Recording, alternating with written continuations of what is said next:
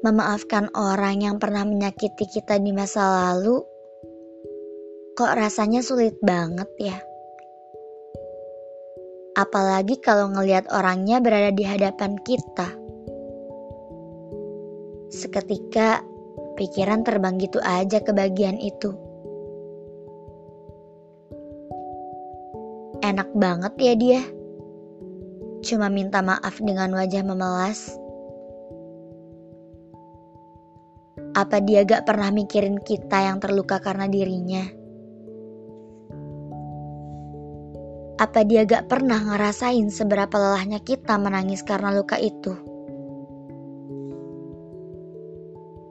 Apa dia gak pernah juga ngerasain seberapa tertekannya kita karena perbuatan dia? Sakit banget rasanya, kayak gak bisa dilupain gitu aja.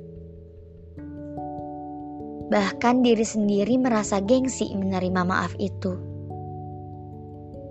Karena takut dianggap sebagai orang yang mudah memaafkan. Padahal masalahnya lebih besar dari itu. Kita terlalu mendengar orang yang bicara. Gampang banget sih maafin dia. Kalau aku jadi kamu, aku gak bakal deh maafin dia.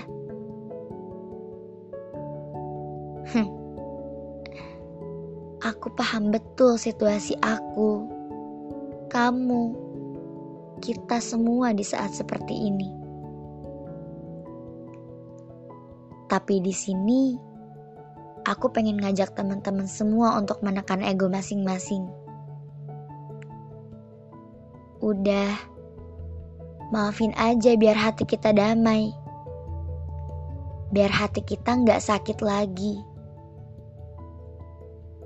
Kalaupun kita tetap gak mau maafin, terus apa yang bisa kita dapat selain rasa sesak yang terus hadir? Gak apa-apa, maafin aja.